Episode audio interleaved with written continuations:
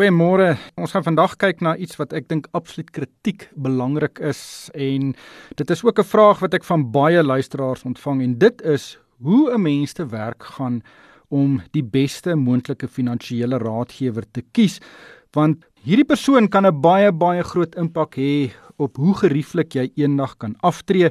'n Goeie een kan verseker dat jy jou lewenstyl kan handhaaf en 'n swak een kan dit 'n uh, regtig 'n droewige affære maak. Nou dit is 'n realiteit dat nie alle finansiële raadgewers ewe goed is nie. Dit geld natuurlik ook vir dokters, prokureurs, ingenieurs, haarkappers, loodgieters en eintlik enige werk wat mense doen en enige professionele kapasiteit waarin mense verkeer. Sommige mense is net beter as ander en kwalifikasies is nie altyd 'n aanduiding van praktiese vaardighede nie.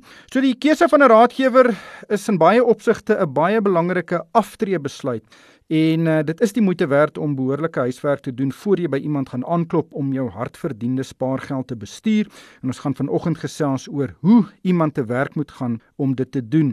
My uh, gas vanmôre is Elke Brink, sy's 'n ervare welvaartbestuurder en finansiële raadgewer by PSG Wealth R21. Maar uh, ek wil ook van luisteraars hoor. Sê vir my, het jy al 'n het jy 'n uitstekende raadgewer? En dien wel, hoekom dink jy die persoon is so goed? Hoekom is hulle uitstekend? Hoekom is hulle beter as ander raadgewers?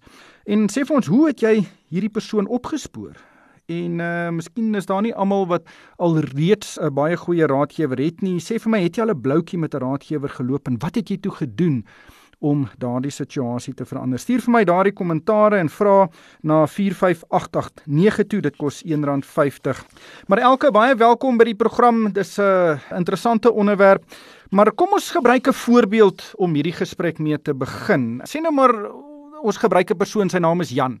Hy is 30 jaar oud. Hy dra by tot 'n uittreë aan die tyd al vir so 5 of 6 jaar, maar nou het hy getrou en daar is 'n baba op pad en ewe skielik dink hy hy het nou 'n finansiële raadgewer nodig sodat hy nou 'n finansiële plan kan kry om nou die beste van sy toekoms te maak. Kan jy jouself in sy skoene sit en, en en hoe sal jy nou te werk gaan om nou die in aanhalingstekens die beste moontlike raadgewer op te spoor? Môre ryk en dankie vir die geleentheid. Dit is altyd lekker om by julle te wees. Ek dink dit is so 'n belangrike onderwerp vandag want ek dink dit is een van die belangrikste besluite en belangrikste verhoudinge wat jy ooit in jou finansiële portefeulje gaan maak en as mens dit van dag 1 af reg kan doen, verhoed jy net eintlik om baie foute te maak in jou portefeulje. En dit spaar maar net baie tyd. So ek dink in 'n ideale wêreld sou mens van dag 1 af 'n finansiële raadgewer gevind het met wie jy 'n pad kan stap vir die res van jou lewe. Saam met jou familie, soos wat jou familie begin uitbrei en jou portefeulje heel moontlik meer en meer kompleks begin word. My aanbeveling sal wees om eersins te begin by groot finansiële maatskappye wat genoteer is. Dis Eerstens, tipe maatskappye waar die vereistes baie streng is vir watter tipe adviseurs daar mag werk. In terme van ervaring, van kwalifikasies, wat tipe advies jy gee, die produkte wat aanbeveel word, die fondse waarin mens mag belê, dit word net baie strenger gereguleer. So, dit sou my aanbeveling wees en en tweedens is dit definitief 'n persoonlike verhouding. Ek dink uiteindelik is daar altyd 'n kans dat jy iemand ontmoet wat moontlik die regte kwalifikasies en ervaring het, maar daar's net nie 'n koneksie persoonlik nie en en dan sit heeltemal normaal om 'n alternatiewe adviseur te soek, maar dis belangrik dat mens daardie verhouding ook kan hê. Nou ek gaan 'n bietjie duiwelsadvokaat speel. Ek gaan vir jou die vrae vra wat ek byvoorbeeld sal vra indien ek nou na iemand toe soek. En vir my gaan dit oor opbrengs. Ek wil hê die finansiële raadgewer wat my geld sake bestuur moet vir my die beste moontlike opbrengste bied sodat ek nou gerieflik kan aftree. So as ek nou voor jou sit, my eerste vraag gaan wees, sal jy vir my kan sê Wat is jou prestasie met jou ander kliënte? Sal jy vir my kan sê, luister, ek het 15 kliënte en my gemiddelde opbrengs byvoorbeeld is 8% en dit klop die inflasiekoers met 3 persentasiepunte. Dink jy dis 'n billike vraag om van 'n finansiële raadgewer te verwag om oop kaarte met hulle historiese prestasies te speel? Definitief, ek dink dis 'n baie belangrike vraag om te vra en ek dink dit is iets maklik om te antwoord. Mense het heel waarskynlik hierdie meeste adviseurs sekere portefeuilles wat hulle gebou het en dit gaan verskil van wat is jou profiel as kliënt, wat is jou ouderdom, wat is jou doelwit, is jy iemand wat afgetree is of is jy iemand wat begin spaar nou? So dit hang af van die persoonlike situasie, maar daar's heel moontlik spesifieke portefeuilles wat reeds bestaan en daar's natuurlik natuurlike geskiedenis van opbrengs en dis maklik om dit te meet teen ander mandate. So dis definitief 'n redelike vraag om te vra. Sal raadgewers dit doen? Ek dink dis 'n redelike verwagting van 'n kliënt om te hê om te verstaan wat is die prestasie en en hoe vergelyk dit in die mark? Hoe vergelyk dit met moontlike kompeteerders en hoe vergelyk dit teenoor die mark wat ek dink altyd 'n goeie maatstaf is? En verskeie bateklasse afhangend nou van hoe die portefeulje lyk, dink ek dis altyd 'n goeie maatstaf hoe het jou portefeulje presteer teenoor die mark en teenoor die maatstaf van van die risikoprofiel van die portefeulje. Dan sal ek ook vir die raadgewer vra, is jy bereid om vir my die kontakbesonderhede vir van jou kliënte te gee sodat ek hulle kan bel en dan self 'n uh, eerstehandse getuigskrif kan kry want uh, ek is nie heeltemal iemand wat sommer raad aanvaar van iemand wat om 'n braai staan en dalk met 'n bier in die hand nie. Ek hou daarvan om myself by mense te hoor wat kliënte is. Sal raadgewers bereid wees om dit te doen? Dit sou ongelukkig nie moontlik wees onder veral huidige wetgewing. Ek dink almal is redelik bewus van die poppie wetgewing wat wat nou self strenger in plek getree het nie. So ek dink om individue se besonderhede te beskerm sal dit nie moontlik wees nie. Dit sal bloot toeval wees as jy moontlik op verwysing na 'n adviseur te gekom het of jy ken moontlik dieselfde persoon wat wat by 'n adviseur is, maar ongelukkig sal portefeuilles vergelyk kan word, maar nie persoonlike besonderhede nie. Ja, ek sal die persoon vra, vra miskien een van jou kliënte om my te bel. Ek dink dit kan nog 'n interessante Ja. ding- Maar ek dink verwysings is is absoluut kritiek. Baie Ja, keer bel definitief. mense rond en sê luister, ek soek die beste loodgieter en dan is dit maar mense wat reeds met daardie loodgieter gewerk het of werk vir, waar, waar die loodgieter werk vir die persoon gedoen het wat daarna aanbeveling doen en en hoe belangrik is dit vir vir raadgewers self dat mense begin gesels oor jou en en sê luister hierdie een is beter as ander. Ek dink dit is baie belangrik. Ek dink persoonlik ek sou 'n besluit gemaak het op grond van 'n verwysing. Net omdat iemand heel moontlik nie net 'n goeie verhouding ervaring het nie, maar ook 'n goeie ervaring het in terme van die beplanning van die portefeulje en die sukses wat saam met dit kom. So dit sou definitief 'n aanbeveling vir my wees. So 'n hele paar SMS'e, baie mense stem nie met jou saam nie. Hulle sê gaan kry 'n onafhanklike raadgewer. Uh bly weg van die veral die vergroot versekeringsgroepe. Hulle skryf net hulle eie produkte en uh hoe dis 'n baie interessante vraag. Baie mense wantrou en uh, finansiële raadgewers omdat hulle baie keer net gesien word as agente vir groter maatskappye en dan verkoop hulle hulle eie produkte. Hoe, hoe dink Ja. jy moet mense na daardie argument kyk? Ek stem saam met die met die vraag wat jy gekry het. Um, ek dink dit is belangrik om te besef dat baie van die genoteerde maatskappye soos wat ek nou verwys is onafhanklik. So ons kan met alles moontlik in die mark werk en ek dink dis waar werklik 'n goeie advies vandaan kom. So jy moet die beste moontlike aanbeveling kan maak en jy moet toegang hê tot alles wat in die mark beskikbaar is. So as mens kyk na 'n PSG of 'n Allen Gray of dis uiteindelik nie die admin platform maar wanneer dit kom na die onderliggende toegang wat jy het tot verskeie platforms waarmee mens kan werk en verskeie fondsbestuurders, um, is daar absolute onafhanklikheid.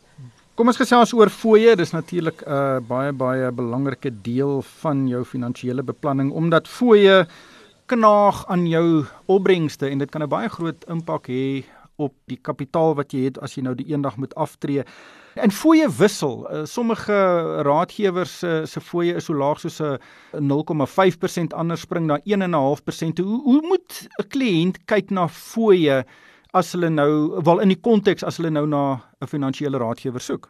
Ek dink fooie is baie belangrik en dis dis belangrik om dit te verstaan um, in terme van watter onderliggende fooie moet als na gekyk word. En dis een ding wat ek 'n baie groot probleem persoonlik mee het wat ek voel baie finansiële raadgewers weerspieël nie al die fooie wat daar is nie. En dan maak dit baie moeilik om appels met appels te vergelyk want een raadgewer wys vir jou een uit 3 fooie en die ander raadgewer stel alles tentoon en dan lyk hy natuurlik duurder, maar jy weet net nie eintlik wat jy alles betaal nie. So my aanbeveling is gewoonlik om jy kan 'n tipe kwotasie aanvra wat mense EAC kwotasie um, noem. Dit staan vir effective annual cost. En dis eintlik maar die maklikste manier om alle onderliggende fooie te sien wat op 'n beleggingsproduk gehef word. En daar kan mens byvoorbeeld sien of 'n adviseur aanvanklike fooie vra en wat is al die deurlopende jaarlikse fooie. So om dit te verstaan, soos met enigiets anders in die wêreld, is goedkoper nie noodwendig altyd beter nie en ek dink dis 'n denkwyse wat moet verander word. Partymal sal jy moontlik 'n bietjie van 'n duurder bestuursfooi betaal, maar jou opbrengste en jou diensleweringskontrak gaan ook heeltemal anders lyk. So dis een van die belangrikste besluit in jou lewe om die regte finansiële portefeulje te hê. So ek dink nie mense denkwyse moet net wees om om niks te probeer betaal nie. Maar ek dink dit is belangrik om te verstaan hoe vergelyk dit in die mark en om daardie vergelykings te tref om te byvoorbeeld te weet wat is die norm as dit kom by 'n admin fooi en wat is die norm as dit kom by 'n bestuursfooi om te weet of dit redelik is. En ek dink daar laastens besluit mens op natuurlik wat was jou resultate uit die verhouding uit. Eerstens net die diensleweringskontrak en tweedens die prestasie wat jy geniet het. Nou ek dink baie mense gaan sit vir die eerste keer voor 'n finansiële raadgewer en dan is hulle so effens skaam oor hulle finansiële posisie. Hulle dink baie keer hulle het nou nie genoeg geld en spaargeld of uh, beskikbare besteebare inkomste om nou te spaar nie en en dat finansiële raadgewers net na ryk mense omsien en dan is hulle nie konfronterend in die vrae wat hulle vra nie want daai fooie waarna jy nou verwys het is baie keer baie onderhandelbaar dit hoef ook nie 'n 30 sekonde onderhandeling te wees nie. Dit mense kan dit uittrek en en, en sekere wel as jy ordentlike navorsing gaan doen en kyk wat is markgemiddeldes kan jy baie van daardie fooie uh, af onderhandel. Maar dan net laastens Uh, natuurlik werk die finansiële raadgewer vir die fooie en gewoonlik is daar 'n 'n jaarlikse ontmoeting waar mense nou gaan kyk na wat het daardie jaar gebeur en hoe pas die prestasie nou in op by die langtermynplan. Maar een van die foute wat ek dink baie mense maak is hulle dink dit is 'n gratis uh, tee en koekies vergadering. Mens moet voorberei daarvan en regtig vir die raadgewer gaan sê luister, wat is jou prestasie? Wat was die maatstaf waarteen dit gemeet word? En is jy op koers om vir my beter te laat aftree eerder as slegter? In jou ervaring is mense genoeg voorberei vir so 'n vergadering om die regte vrae te vra? Heel moontlik nie, ek stem saam met jou, Ryk. Ek dink eersins is my opinie, ek dink die een eenmal per jaar is moontlik te min. Ek dink dit is baie belangrik om 'n baie na verhouding met jou finansiële raadgewer te hê om seker te maak hulle verstaan werklik wat in jou lewe aangaan en om om saam met dit te kan beplan. Dit is baie moeilik om 'n finansiële portefeulje te beplan as jy nie regtig weet wat is die familiedinamika, wat is die finansiële behoeftes, um, is daar moontlik veranderinge? Soveel dinge kan in 'n jaar verander in 'n in 'n gesin se um, situasie. So ek dink om om daardie deurlopende kommunikasie te hê, maar saam met dit met die jaarlikse hersiening, is dit belangrik om om regtig in diepte in te gaan in die portefeulje. Ek dink eersins uit 'n persoonlike opsig, um, wat het in jou familie of in jou besigheid of in jou behoeftes verander? En is daar moontlik nuwe behoeftes wat nie op die tafel is nie of 'n krisis wat gebeur het sodat mense saam met dit die beplanning kan verander. En dan dink ek is baie belangrik om weer eens die fooi struktuur te hersien en om saam met dit te vergelyk wat was die prestasie teenoor wat in die wêreld gebeur het, wat in die markte gebeur het en al die vergelykende faktore want ek het al baie uit ervaring gesien dat dit eintlik 'n fantastiese jaar in die mark was en en baie mense het eintlik 'n baie slegte opbrengs getoon. So dan's daar 'n fout. So dan is jy in die verkeerde portefeulje of dit word wanbestuur. So ek dink dis belangrik om daardie vrae te vra. Is ons nog op koers en en is die beplanning nog reg in terme van kom ons noem 'n voorbeeld as iemand afgetree is en jy is besig om 'n inkomste te trek, delg jy te vinnig in jou kapitaal in of dalk raak jy nog glad nie in jou kapitaal nie. Hoe lank gaan die fondse nog in plek bly? Ek dink dit is baie belangrik om dit te verstaan. Ja, nee, ek dink ook baie keer as uh, jy byvoorbeeld belê in 'n uh, gebalanseerde fonds byvoorbeeld, dan kan jy gaan kyk op verskeie platforms watter gebalanseerde fondse wat uh, beskikbaar is het die beste presteer en of jy dan in daardie fonds presteer. Dit mens moet huiswerk doen voor daardie vergadering. Ek dink dit is baie uh, belangrik. 'n uh, Hele paar vrae. Mense is baie negatief eintlik. Finansiële raadgewers is kommissiejagters sê Nita Dan sê nog 'n persoon, hoekom is die firmas van finansiële gurus so geweldig ryk? Dis 'n interessante vraag. Ehm um, dit is uh, besighede wat op winsbejag uit is, maar gewoonlik is hulle kennis baie belangrik en kan jou regtig help om beter af te tree. Daai kennis is geweldig belangrik. Sê my, wat is die raadgewers kwalifikasies wat daar is en en hoe kies mens nou raadgewers gebaseer net op hulle kwalifikasies? Ek dink kwalifikasie is bitter belangrik en dit moet definitief daar wees, maar weer eens gaan dit nie net oor dit nie. Ek dink dit gaan ook oor die dag tot dag bestuur van die portefeulje wat belangrik is. So mense kan al die kwalifikasies hê nog steeds nie 'n portefeulje aktief bestuur nie. Maar hoofsaaklik sal ek 'n aanbeveling gee dat iemand 'n finansiële tipe kwalifikasie moet hê, so of 'n BCom of in 'n CA rigting of een of ander finansiële kwalifikasie en dan na dit is daar een van twee ehm um, wat die mees gewilde kwalifikasies is wat 'n uh, adviseur normaalweg sal hê en dit sal of 'n CFP of 'n CFA of 'n kombinasie van beide wees. So om werklik advies holisties te kan gee op 'n finansiële portefeulje. En net om op jou vorige kommentaar aan te raak wat ek dink die rol van 'n adviseur nog steeds is en ek dink mense moet dit altyd behou hoekom mens iemand aanstel en dis eintlik om 'n om 'n objektiewe oorsig oor 'n portefeulje te hê. So daar was al 'n studie gedoen dat die gemiddelde portefeulje as 'n belegger dit self sou bestuur teenoor as 'n adviseur aangestel sou word, is al gemiddeld 'n 3% uitprestasie. Jy kan 'n bietjie gaan oplees oor jy noem dit 'n gamma beginsel. En dit kom maar net daarop neer dat ek dink 'n adviseur die emosie uit dit kan uithaal wanneer die mark deur verskillende siklusse gaan om die regte besluitneming te doen. So daar's 'n rede hoekom mense 'n raadgewer aan diens wil stel. Nog 'n interessante opmerking van 'n luisteraar is dat maak seker dat jou finansiële raadgewer ook belastingkundig is want uh, die belastingimplikasies van beleggings is geweldig. En dan vra nog 'n persoon my portefeulje presteer absoluut pateties. Wanneer moet jy van raadgewer verander? Ek dink wanneer dit kom by die prestasie is dit belangrik om te gaan kyk wat op die oomblik waarmee vergelyk jy dit. As ons byvoorbeeld in 'n markregstelling is of heel moontlik in 'n markcrash is as ek dit so kan stel, gaan almal sleg doen. Maar as ons op 'n punt is waar dit eintlik baie goed gaan met alle vergelykende portefeuilles en die markte is op 'n behoogtepunt wat dit nog nooit was nie, gemiddelde opbrengste is enigiets inflasie plus 6 inflasie plus 7 en joune doen dit nie, dan dink ek is dit belangrik om die vraag eersins vir jou adviseur te vra. Dit mag wees dat jy in 'n verkeerde portefeulje volgens jou risikoprofiel is. Jy is dalk net in kontant of net in 'n inkomstefonds waar jy aandeleblootstelling moet hê. Maar dit mag wees dat jy in 'n heeltemal verkeerde um, profiel eintlik net maar is vir volgens wat jou behoeftes is. So ek dink dis ook belangrik om om te verstaan. Dit laastens hoe belangrik is ervaring? Ek dink dit is baie belangrik. Ek dink dit maak dit makliker om 'n portefeulje te bestuur as mens self weet hoe dit voel om deur markregstellings te gaan. Baie van wat mens moet weet is natuurlik wat teoreties aangeleer kan word en wat op 'n dag tot dag basis aangeleer word omdat die wêreld verander daagliks afhangend van wat in die wêreld gebeur. So ek dink dis belangrik. Maar ek ek dink daai balans is belangrik om ook nie iemand aan te stel wat moontlik baie jare se ervaring het maar wat nie bybly met wat nou die regte ding is nie. So ek dink om om daai middeweg te vind en ek dink ook mense moet ervaring definieer. Wat is jou behoefte met hierdie verhouding? Wil jy iemand met jou saam met jou pad stap vir baie jare of wil jy jou moontlike adviseur aanstel wat elk geval self gaan aftree binnekort en dan in elk geval die persoon vervang? So ek dink mense moet besluit wat wil jy uit die verhouding uit hê. Ja, en ek dink mense moet betrokke wees, huiswerk doen, hou daai raadgewer op sy of haar tone en uh, en uh, maak seker dat jy verstaan presies wat daai besluite vir jou gaan meebring. My elke ons sal hier moet haltroep. Uh, baie dankie vir jou tyd en insigte vanoggend. Dit was elke bring sy's 'n uh, welvaartbestuurder en finansiële raadgewer by PSG Wealth R21. Nou kyk ons weer na internasionale beleggingsgeleenthede en hierdie insetsel word geborg deur Opwest. Opwest is 'n internasionale maatskappy wat aan beleggers die geleentheid gee om direk in kommersiële eiendomme in die mediese bedryf in Amerika te belê. Die beleggings betaal dan dividende in dollar uit. Meer inligting is beskikbaar by www.opwest.com. En die besydenhout sluit nou weer by my aan. Hy is een van die stigterslede van Opwest en hy is ook die voorsitter van die maatskappy se beleggingskomitee.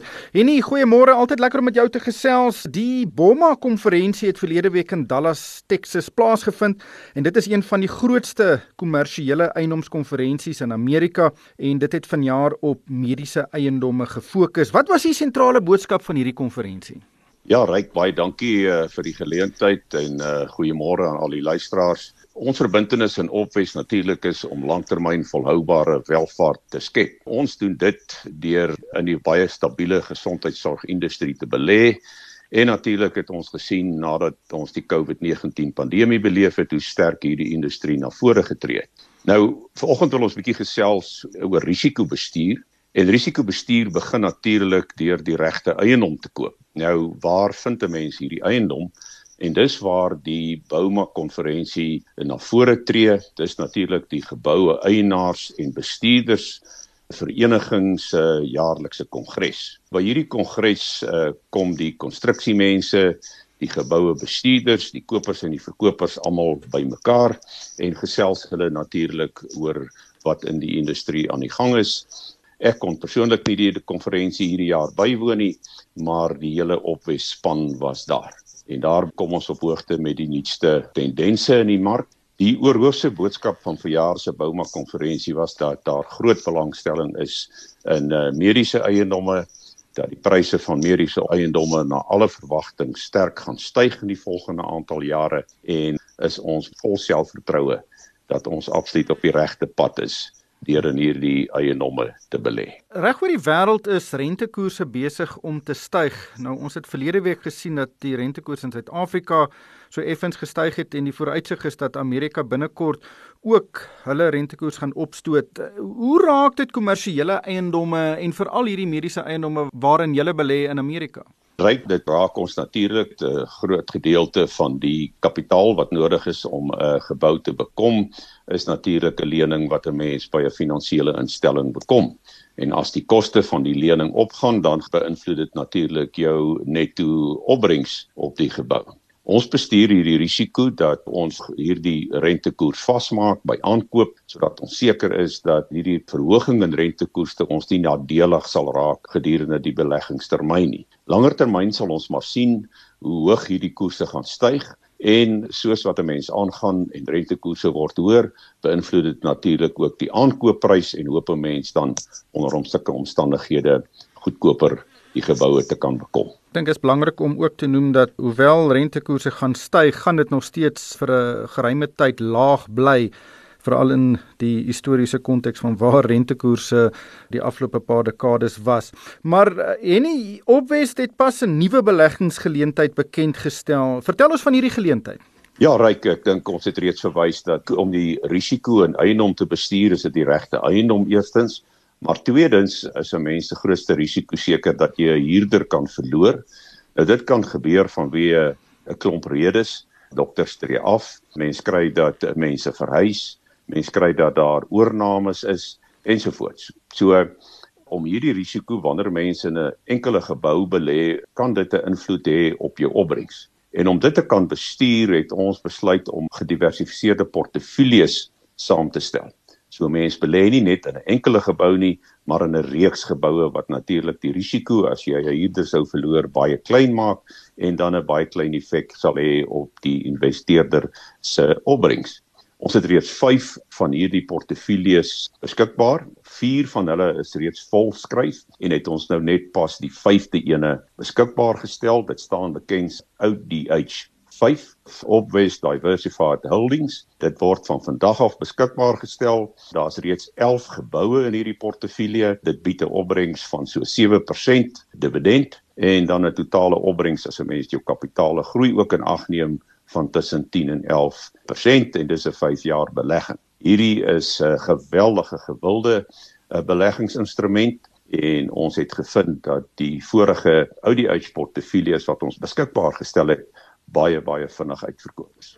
Ja, so hierdie is amper 'n effekte trust benadering teenoor beleggings in 'n individuele eiendom en dit versprei jou risiko so 'n bietjie.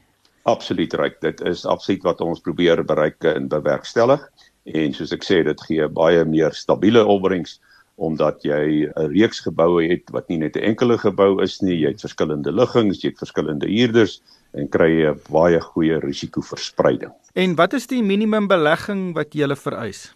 Ryk uh, op is 'n minimum belegging is uh, maar soos altyd 5000 dollar en natuurlik enige bedrag hoër is dit. Waar kan 'n mens meer inligting kry hieroor? Om 4 uur vanmiddag bied Simon Brown 'n webinar aan. Die luisteraars kan inskakel of net 'n e-pos stuur aan info@opwest.com en hulle sal dan 'n uitnodiging ontvang om deel te neem aan hierdie webinar waar daar in baie meer besonderhede in diepte gepraat sal word oor hierdie geleentheid. Ja, dis opwest.com, dis O R B V E st.com en luisteraars kan ook op die Moneyweb webwerf vir hierdie webinar registreer. Dit is 4uur vanmiddag. En baie dankie vir jou tyd vanmôre. Dit was Henny Besaidenhout. Hy is een van die stigterslede van Opwest en hy's ook die voorsitter van die maatskappy se beleggingskomitee. Hierdie insetsel is geborg deur Opwest. Dit is 'n internasionale eiendomsmaatskappy wat aan beleggers die geleentheid bied om direk in kommersiële eiendomme in die mediese bedryf in Amerika te belê. Die beleggings betaal dan dividende in dollar uit. Meer inligting is beskikbaar by opwest.com. Jy het hard gewerk om jou rykdom te versamel. Maar ons leef in onsekere tye. Waar kan jy jou rykdom bewaar terwyl jy nog steeds kwartaalliks dividende in Amerikaanse dollar verdien? Die oplossing is hier. Beleggers regoor Suid-Afrika belê in mediese vaste eiendom in Amerika wat deur 'n bekwame span bestuur word en wie ook daarin belê het. Opwest SA is 'n gemagtigde finansiële diensste verskaffer. Besoek opwest.com. daarmee moet ons groet. Die tyd het ons ingehaal. Luisteraars is welkom om vir my 'n e-pos te stuur by ryk ryk@moneyweb.co.za en uh, daarmee moet ons groet. Dankie vir die saamluister.